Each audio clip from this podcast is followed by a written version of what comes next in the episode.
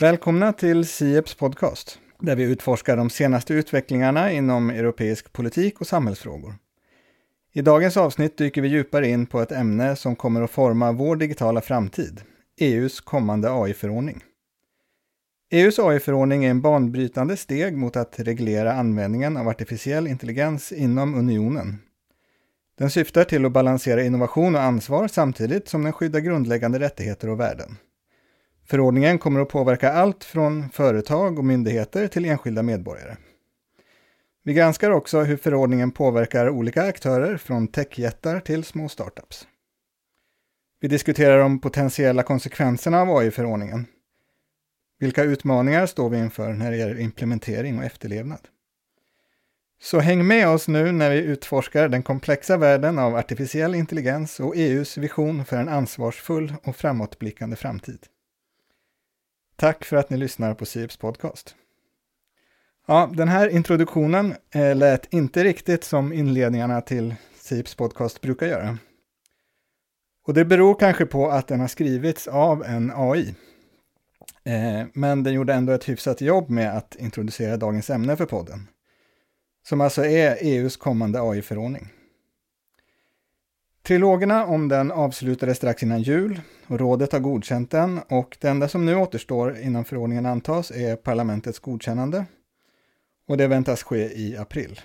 Därefter börjar lagen gälla efter två år. Och idag när vi spelar in så är det den 28 februari. Jag heter Gustav Olsson och programleder Sips podcast tillsammans med Karin Flordal. Ja, och jag tänkte att jag skulle passa på att nämna här inledningsvis att vi på Sieps veckan publicerade en Europapolitisk analys om just den här AI-förordningen. Mer specifikt om vilka åsikter icke-statliga aktörer har om AI och i frågan om dess reglering. Och den finns förstås att ladda ner på vår sajt sieps.se. Men i det här avsnittet så tänkte vi ta ett lite bredare grepp om AI-lagstiftningen. Och eh, Gustav nämnde ju här i inledningen att Europaparlamentet slutgiltigt ska godkänna den här förordningen i april. Och det sammanträdet i april blir också det sista för det här sittande Europaparlamentet. För sen stänger man ner och det är dags för valkampanj inför det stundande valet i juni.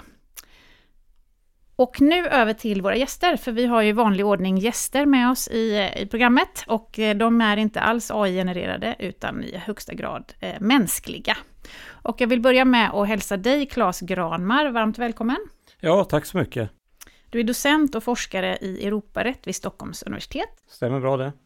Och så har vi eh, Håkan Börden och Susanne Stenberg med också, som är forskare på RISE. Tack. Hej. Hej. Och innan vi drar igång och fördjupar oss i, i AI-förordningen så skulle jag vilja be er att berätta lite kort om er respektive forskning och på vilket sätt ni har kommit i kontakt här med AI och AI-förordningen. Och jag vänder mig till dig Claes, vill du börja? Ja, jag håller på ganska brett med eh, e EU-rätt och Europarätt i stort, även eh, Europakonventionen då. Jag och har jobbat mycket med inre marknadsfrågor och externa handelsrelationer. Och på senare tid då i och med att det här med digitalisering varit ett väldigt stort politikområde eller fokusområde ska jag säga inom unionen så har jag tittat väldigt mycket på det också. Har skrivit en del om eh, GDPR då och eh, eh, nu de här andra förordningarna, så kallade horisontella förordningarna som gäller lite allmänt oavsett verksamhetsområde eh, i, i, i medlemsstaterna. Eh, och förordningarna gäller då som lag i varje medlemsstat. Så att jag tittar egentligen systematiskt på EU-rätten och på de här frågorna. Och Håkan och Susanne, om ni också eh, svarar på samma fråga, men också säger några ord om RISE. Ska jag börja? Ja. ja. Jag tänker att eh, vi kommer ifrån ja, RISE är Research Institutes of Sweden. Eh, det är ett statligt ägt forskningsinstitut som gör många olika saker, eh, men bland annat eh, forskar då. Och där på den delen finns eh, Håkan och jag. Och då eh, ursprungligen handlar det väl om att eh, man forskar i olika eh, projekt där det är produkt och tjänsteutveckling från, från verksamheter ute i verkligheten på något sätt. Mm. Och då kom det här förslaget april 21. Mm. Och då inser man att det här kommer ändra saker och det är många svenska aktörer som behöver förstå vad betyder det. Och sedan dess har vi nog eh, jobbat på det viset ganska hands-on, tänker jag.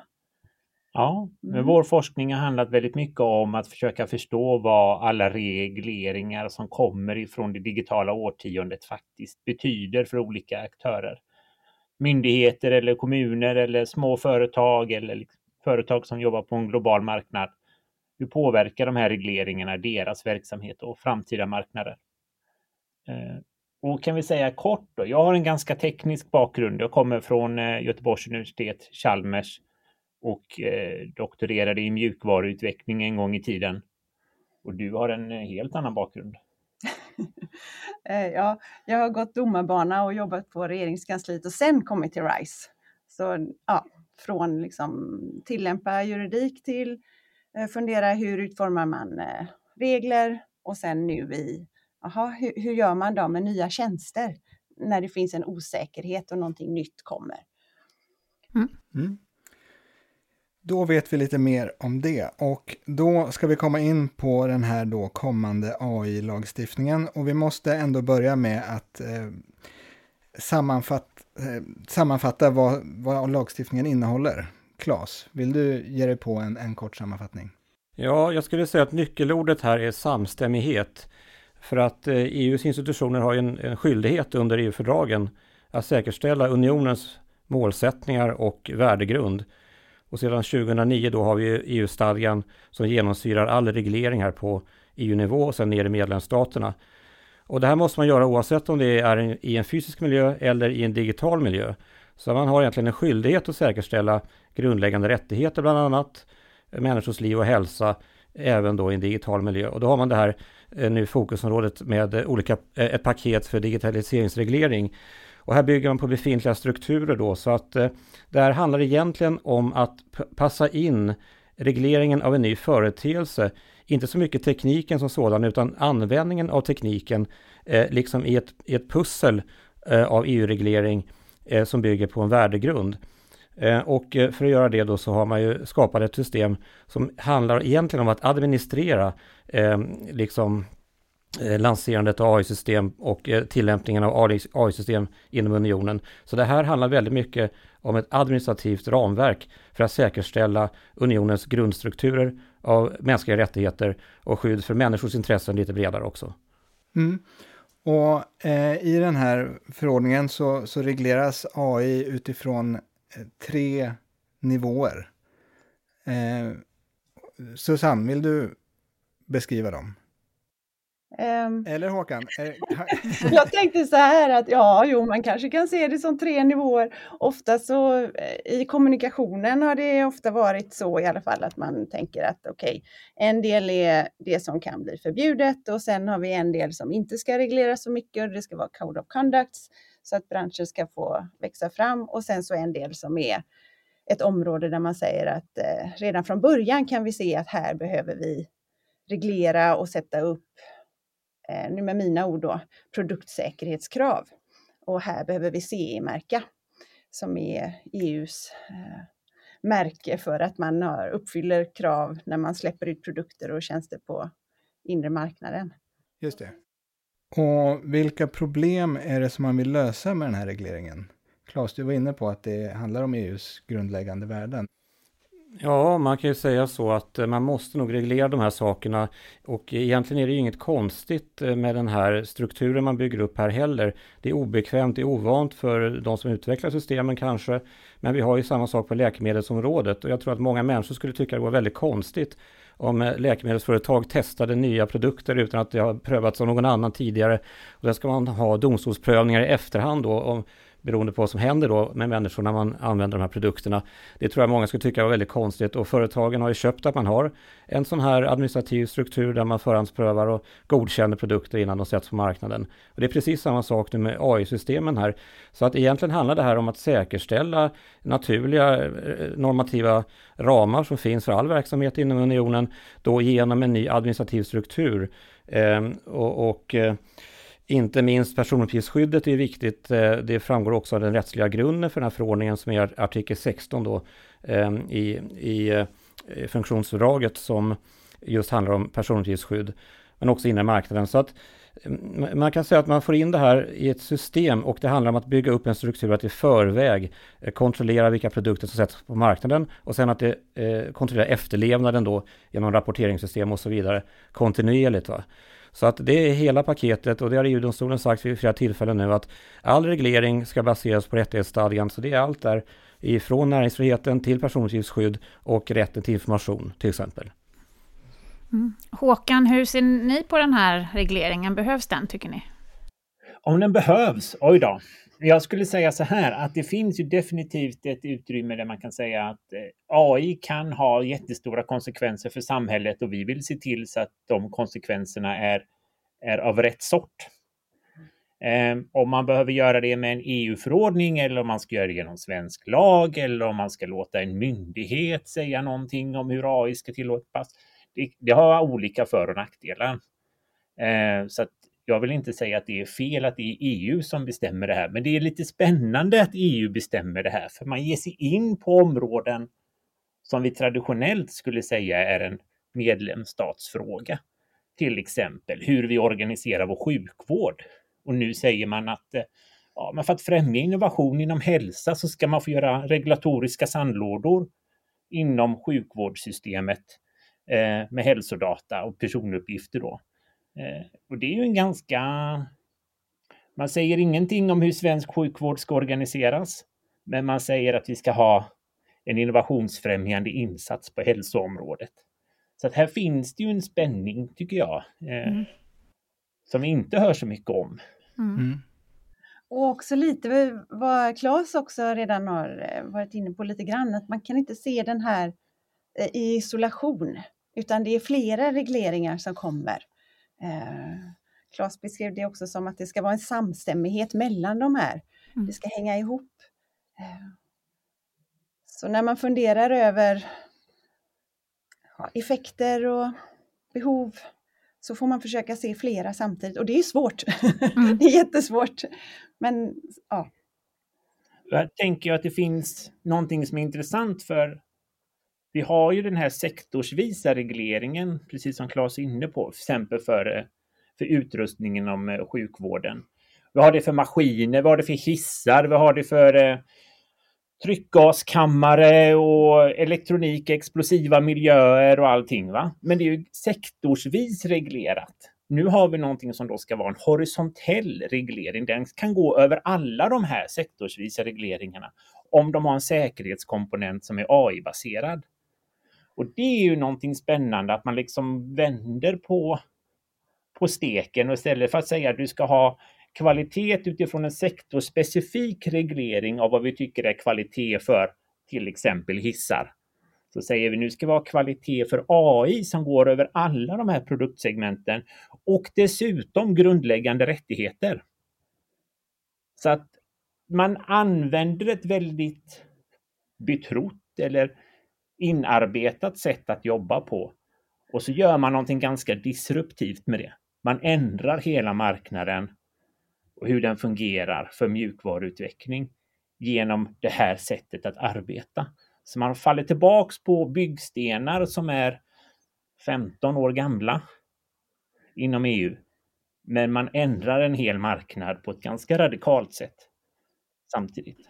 Mm. Hur ser du på det, Claes? Ja, alltså jag tror att de, de här materiella kraven då på produkten, de finns där redan egentligen. Alltså för att man kan inte lyfta ut eh, just en viss typ av eh, produkt från regleringen då, grundstrukturerna för unionsrätten till exempel, då EUs rättighetsstadga, utan den finns där. Och alternativen mot att ha så här ex ante som man pratar om, alltså i förväg reglerad eh, system då, eh, vad som man får använda i olika verksamheter och så vidare på AI-området. Det skulle vara att människor då, då i efterhand eh, pröva saker i domstol. Och här finns massor med problem med den, den modellen så att säga som man kanske har mer i federal amerikansk rätt. Man har vissa principer bara, så får man se vad de innebär i ex post facto domstolsprocesser. Eh, men det är ju få människor som har råd och tid att, att, att driva sina rättigheter i domstol. Och det blir det också här problemet att det, det är kanske dumt, att, vad är, om, nu problemet blir enormt stort va, så kanske det inte hjälper så mycket med en domstolsprocess alls i efterhand. Om, om, om man använder saker i sjukvården som så att säga får allvarliga konsekvenser. Så att egentligen tror jag att det här är ganska ofrånkomligt att man har, precis som inom läkemedelsbranschen, en ex ante eh, administration av de här eh, högrisksystemen alltså innan de sätts på marknaden och sen uppföljning. Sen håller jag med om att man ska inte ändra hela sjukvårdssystemet, men det är just de här produkterna vi pratar om eh, och det, de måste nog regleras på förhand. Jag kan tänka mig att man på delstatsnivå i USA kommer fram till det också, kanske på federal nivå efterhand också.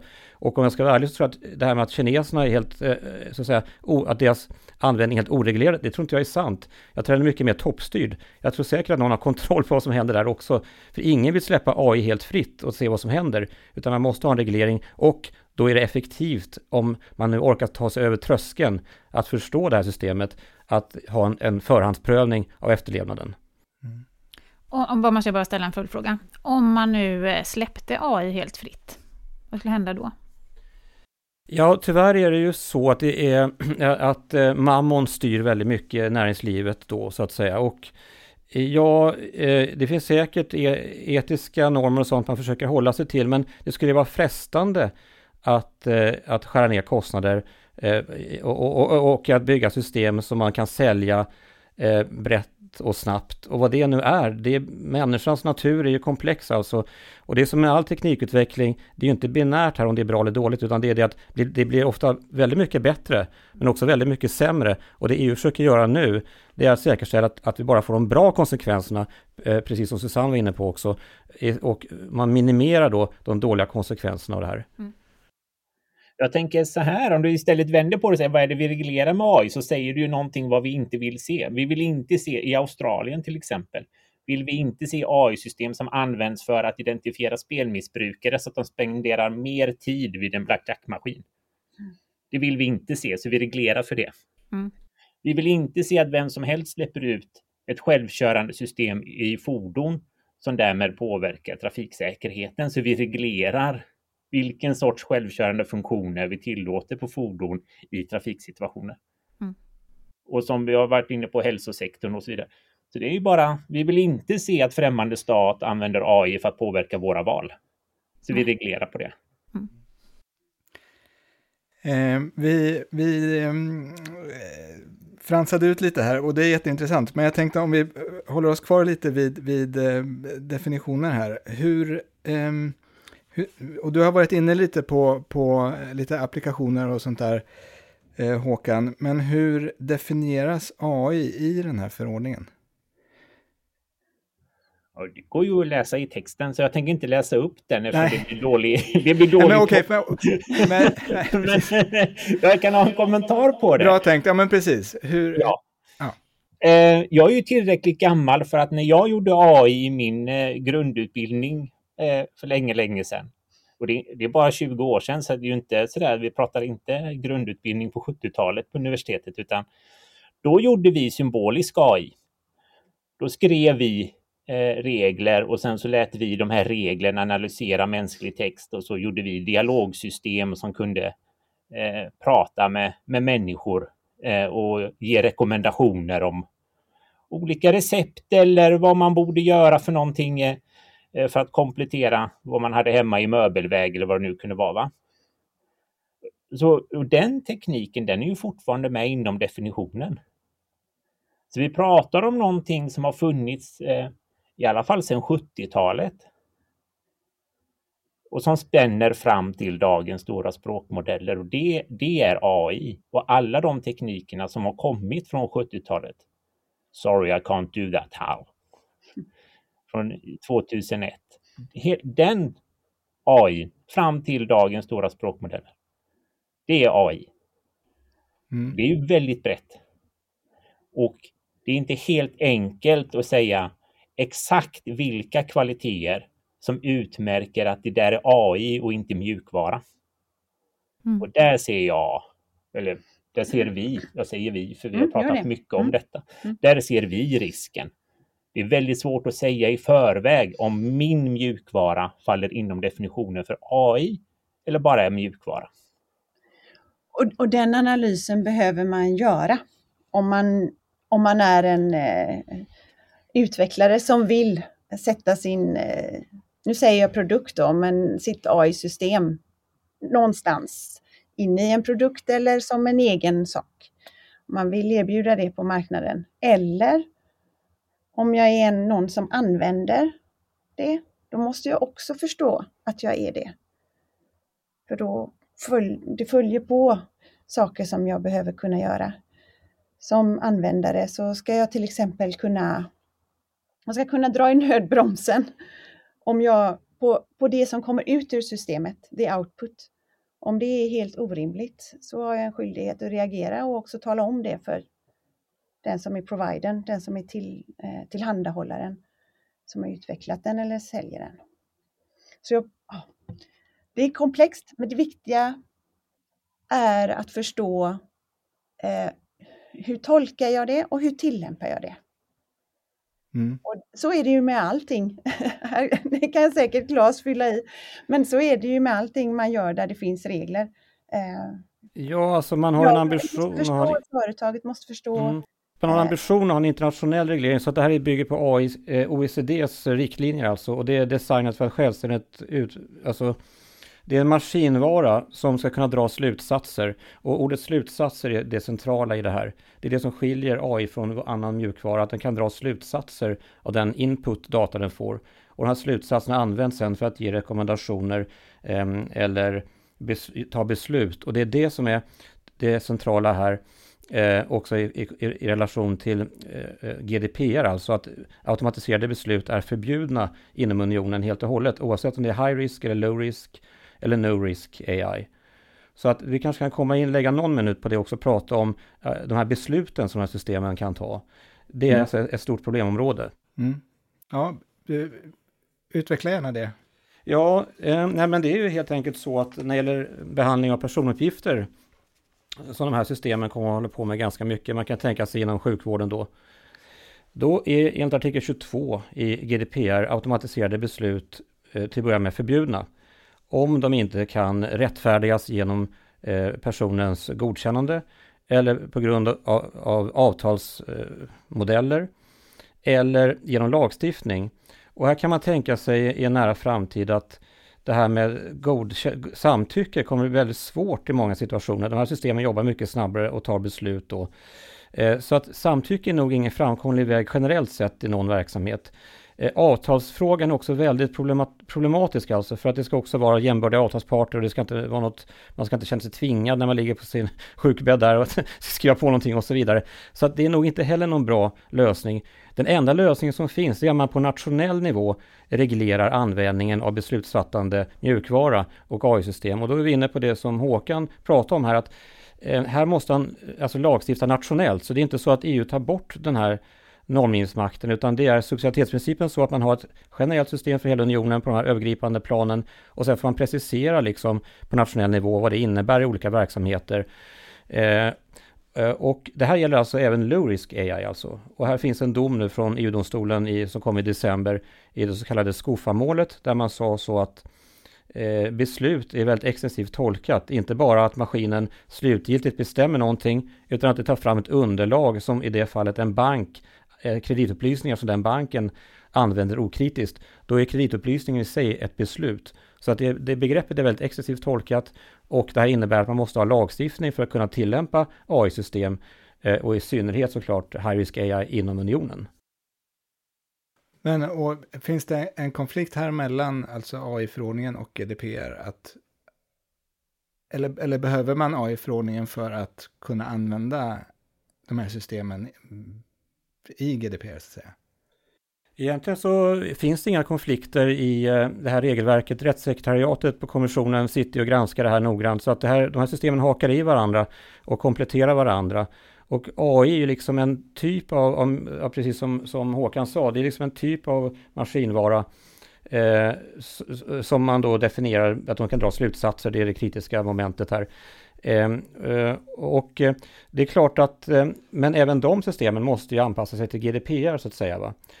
Eh, och det är det som är saker att man i, artikel 35 i GDPR då har en, en ett eh, krav på konsekvensbedömning i förväg innan man använder system som tar beslut. Och, det, och som då bygger på det som står i artikel 22 som är enforcement i efterhand alltså. Men här har man då förhandsprövningar även i GDPR när det gäller automatiserade beslut av maskinvara. Och det finns en bestämmelse, nu kommer jag inte ihåg om det var 35 eller 36 eller 37 eller något sånt där i AI-förordningen som säger samma sak. Att innan Eh, AI-systemen får då behandla personuppgifter på det här sättet så att de tar beslut så måste man göra en sån här förhandsprövning. Och här finns då den stora utmaningen egentligen som vi borde prata om. Det är på hur man organiserar det här på myndighetsnivå i varje land. Alltså eh, Alltså att inte två olika myndigheter gör samma sak utan man har en koordinering under GDPR och AI-förordningen när det gäller de här konsekvensbedömningarna av just eh, beslutsfattande AI då. Ville ni komma in där? Det är intressant med förvaltningsmodellen och hur, hur offentlig sektor ska... Det är absolut intressant. Men... Det är en jättediskussion. Men bara en sån enkel sak som att idag är det Arbetsmiljöverket som ska ha marknadstillsyn av maskiner. Men vi vet inte om Arbetsmiljöverket ska ha tillsyn av AI. Och vi vet inte som horisontell företeelse. Vi har en sektorsvis företeelse i form av AI i maskiner som, och vi har maskiner i sig. Och så har vi Arbetsmiljöverket som vet om att de har tillsyn av marknadstillsyn av maskiner. Vad händer när AI-förordningen träder i kraft där vi också ska ha marknadstillsyn av AI-system i maskiner? Är det Arbetsmiljöverket som tar den? Är det AI-myndigheten som tar den? Eller är det den tredje, tillsynsmyndigheten, som vi införskaffar lite snabbt och lustigt för att sköta all marknadstillsyn, som tar den? Och det är för maskiner. Och som jag sa, vi har en rad andra. Vi har hissar, det ligger på en annan myndighet. Elektronik i explosiva miljöer ligger på en tredje myndighet. Så har vi sjukvårdssystemet och så har vi utbildningssystemet. Som, mm. som också då är sådana som tas upp i, eh, i regleringen i AI-förordningen, som att de måste certifieras. Så hur ska vi organisera offentlig sektor för att sköta marknadstillsynen när det här spretar iväg och blir ett lapptäcke eller en väv av reglering istället för att vi har siloreglering inom varje verksamhet? Klas, du ville komma in här. Ja, nej men det här är den stora frågan och det här är egentligen vad den här förordningen handlar om, att organisera eh, förhandskontroll och efterlevnadskontroll på myndighetsnivå och i stor utsträckning är det upp till varje land att organisera det här. Och eh, tyvärr är det ju så att eh, regeringen har lanserat en stor, ett stort projekt som handlar just om etisk AI igen. Och jag tror att vi har kommit vidare. Vad man borde satsa resurser på det är att eh, utforska hur vi bygger upp de här administrativa strukturerna. För jag vet i Spanien till exempel, då har man en AI-myndighet som tar den horisontella pucken och ska in och grotta i varenda verksamhet och kommunicera med olika specialmyndigheter. Men jag undrar om inte det är bättre att dela upp det här, för att det står i förordningen att man får ha en eller flera myndigheter, så det är upp till varje land att organisera och bestämma hur man ska göra. Och där borde vi lägga resurser att utreda hur vi ska organisera detta. Och det pratar man om i hela Europa. Hur ska vi göra det i praktiken? När det är väl är knäsatt, då kommer det här vara ganska bra eh, för alla, även för industrin. För att de får en förutsebarhet i sin verksamhet då. Och det tror jag, apropå marknadsmognad här, så det tror jag det är jätteviktigt, inte bara för offentlig sektor och myndighetsvärlden att veta vem har tillsyn över vad? Men jag tror också att det är jätteviktigt för de privata aktörerna att veta det är den här myndigheten jag vänder mig till när det gäller AI-systemet. Och det är en annan myndighet jag vänder mig till när det gäller själva verksamheten jag bedriver, till exempel inom skola eller sjukvård. Eller när jag tillverkar maskiner eller hissar, liftar och så vidare. Då vet jag vilka myndigheter jag ska ha en dialog med och jag vet att de myndigheterna är förberedda för de har haft tid på sig att kolla upp vad är det de behöver veta, vilka kompetenser behöver de för att komplettera sin rådande organisation för att hantera den nya marknaden som kommer. Och som privat aktör så vet jag att de här myndigheterna, de har hunnit förbereda sig. Så att det är värt att gå till dem och få bra guidning om hur jag ska bete mig. Men där är vi ju inte alls idag. Det är en, det är en jättebra sak att lyfta. Eh, att börja fundera på det från eh, precis vad Claes är inne på och vad Håkan också är inne på. Att fundera på det. Hur vill vi göra i Sverige? Och hur förhåller sig hur vi sätter upp vårt system till de andra ländernas system så att det fungerar eh, och, och blir smidigt och att man vet vem ska göra vad och vem kan jag prata med? Och då kan man också börja fundera på vilka vill jag samarbeta med i framtiden för att göra så bra system som möjligt. Det är ju, ja, det, är det det syftar till, att vi ska ha system som vi kan eh, lita på. Så. Mm. Alltså vi, har, vi har varit inne nu på ganska mycket olika typer av användare. Vi har offentlig sektor, vi har privat sektor som industri och små företag och större företag. Finns det fler användare som kommer beröras av den här förordningar. Jag till exempel som privatperson eller anställd på en myndighet. Det här är ju lite lurigt i vad du lägger i begreppet användare då. Om man läser kommissionens ursprungliga förslag så finns användare med där. Men användare är den på vars mandat systemet tas i bruk. Så om du som medborgare använder en myndighets system för till exempel beräkna ersättning för vård av barn eller eh, sjuk, eh, sjukfrånvaro och så vidare. Då är inte du användare. För det är inte du som har tagit beslutet att sätta systemet i bruk. Utan då är det myndigheten som är användare. Men däremot så är det ju dina rättigheter som står på spel. Så du är definitivt en intressent, men inte en användare. Sen har terminologin flytit runt lite och idag har vi ingen svensk översättning av det förslaget som ligger på bordet för att tas i april. Så jag vågar inte säga exakt om definitionen av användare i den svenska texten som kommer vara tillgänglig framöver. Hur den ser ut, men... Mm. Mm, Claes, vill du komma in? Nej, exakt. Och det engelska begreppet är deployer nu ja. istället för user. Så deployer, det översätts ju som installatör egentligen. Eh, men det låter ju lite så att säga ringrostigt. Man får hitta ett bättre begrepp här kanske.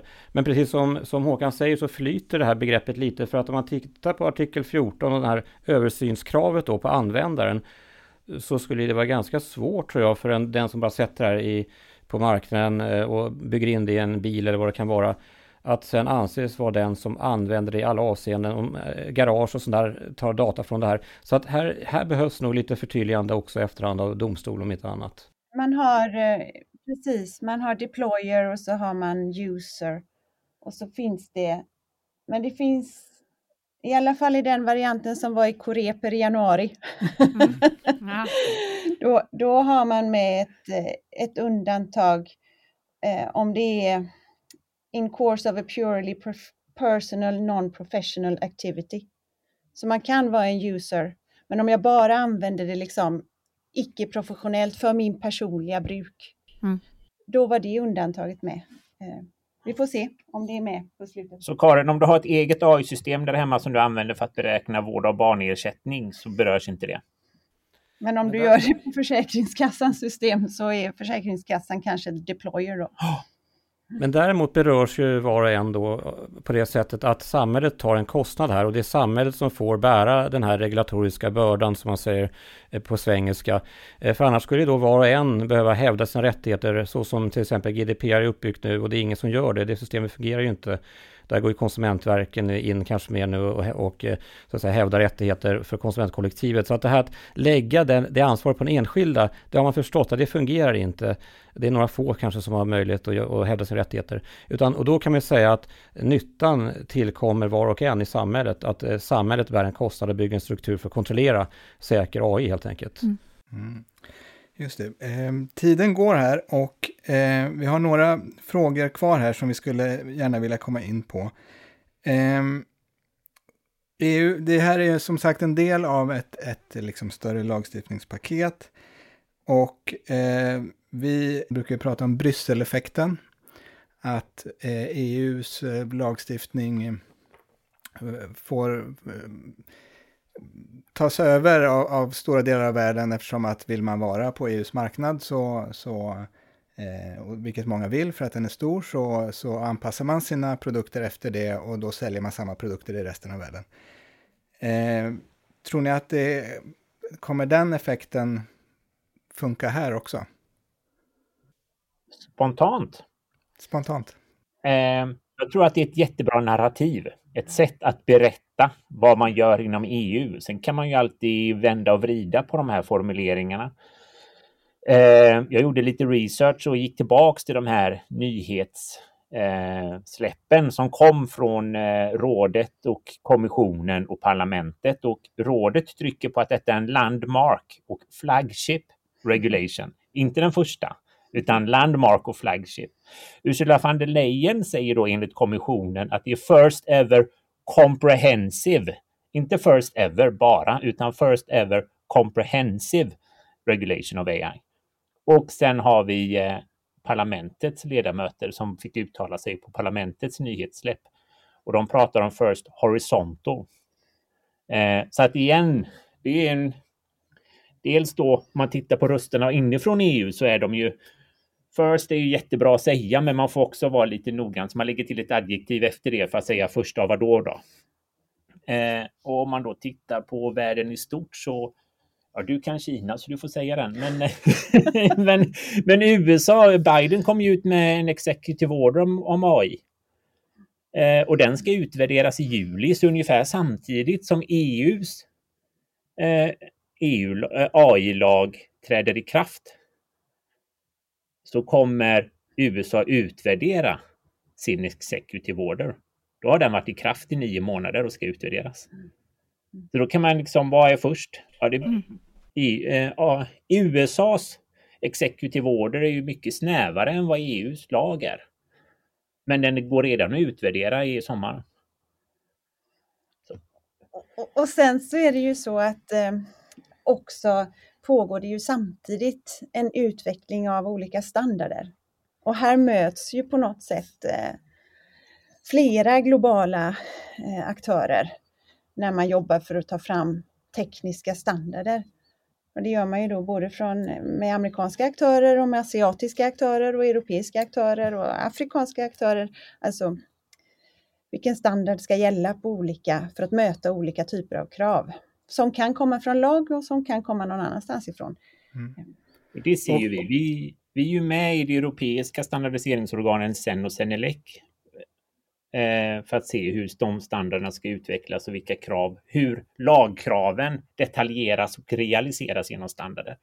Och vi ser ju att inom Sen Senelec så pratar man mycket om att ISO har initiativ på gång men ibland inte riktigt hinner med EUs takt.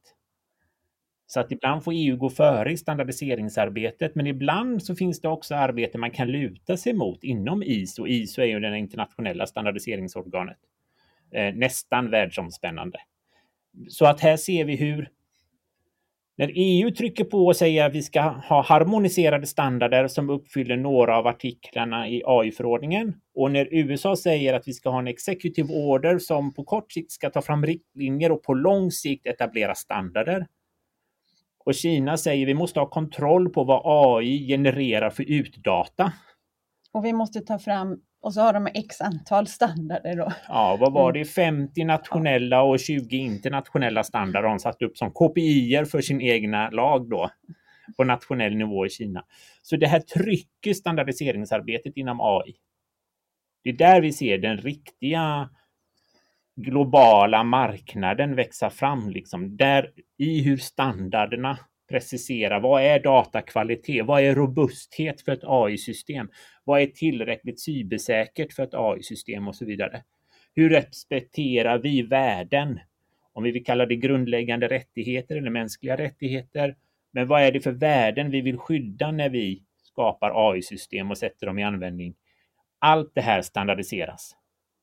Och där möts de här marknaderna och där möts de här lagstiftningsprocesserna i en ganska osexig plattform. Eh. Men det fråntar inte att man i varje fall ju måste göra sin egen analys. Även om mycket kan tänkas bli standardiserat om man lyckas i det här projektet då. Det vet jag inte om man gör, men om man gör det. Men även om det sett standarder för eh, riskhantering av AI-system i machine learning Även om det är så och ett sådant system sen då skulle anses uppfylla kravet på artikel 9 till exempel med man måste ha ett riskhanteringssystem om man har ett AI-system som är hög risk och CE-märkas. Så måste jag fortfarande som användare och som tillverkare ändå fundera över ja, stämmer det här då? Uppfyller jag tillräckligt med krav? Som jag själv lägger på mig. Eh, så. Mm. Klas? Nej, eh, det pågår ju väldigt mycket sådana här samordningsprojekt, alltså eh, Transatlantiska teknikrådet och så vidare jobbar ju med de här frågorna. Men det är väldigt svårt att komma fram till gemensamma nämnare. Så att det blir så att eh, varje spelare får ju själv sätta sina eh, standard som utgångspunkter och sen får man försöka förhandla fram eller så får företagen anpassa sig. Och det blir ju en Brysseleffekt, det ligger ju hela eh, den här internetstrukturens natur att man ska kunna skicka data runt jorden i ljusets hastighet och till exempel tillhandahålla medicinsk så att säga, operationer så från data från USA till Europa, från Europa till Indien och så vidare. Så att någonstans kommer ju företagen vara tvungna att anpassa sig då till jurisdiktionerna. Ehm, jag, eh, jag tror att eh, allt det här handlar om att det måste implementeras i algoritmer. Va? Så att det handlar om standard i slutänden Om man kommer landa här för att det är ju ingen människa som under artikel 14 kan sitta och följa med ett AI-systems beslutsprocess. Men man har en skyldighet att övervaka det. Och det är klart att det kan man bara göra genom att i förhand då producera AI-system som säkerställer till exempel personuppgiftsskyddet och så, och så vidare. Men det är klart att om man inte gör det, nej, då kan man inte handla med eller då ha näringsverksamhet och transaktioner med, med unionen. Och då blir det en Brysseleffekt. Men det är ju inte jag menar, det är ju ingen som vill det. Det handlar ju inte om eh, någon geopolitik, utan det är ju en effekt av att man i unionen har en värde, värdebaserad reglering och en europeisk modell på förhandskontroll och administration istället för att ha den amerikanska lite mer så att säga, eh, öppna stilen att man, eh, man har principer och sen ser man efterhand i domstol vad de innebar. Men det innebär att någon har drabbats av någonting innan man kommer dit. Så jag tror att den, den europeiska modellen helt enkelt är bättre och kommer vinna eh, eh framgång runt om hela jorden. Och det är, liksom, det är bara helt enkelt för att den modellen på lång sikt är mer hållbar även för industrin. Vad gäller? Hur ska vi bete oss för att kunna Eh, eh, använda och eh, tillverka system som ska användas i olika verksamheter inom unionen och resten av världen på sikt för att människor kommer må bättre av detta helt enkelt. Den europeiska modellen vinner framgång. Det får vi runda av med idag tror jag. Eh, och jag är medveten här om att eh, min eh, introduktion här har vi inte riktigt täckt in alla, alla delar i. Eh, men jag får skylla på AI. Eh, och eh, vi ska säga också att ehm, nästa avsnitt som vi planerar hos IEPS podcast kommer att handla om hälsodata inom EU, så det är lite relaterat.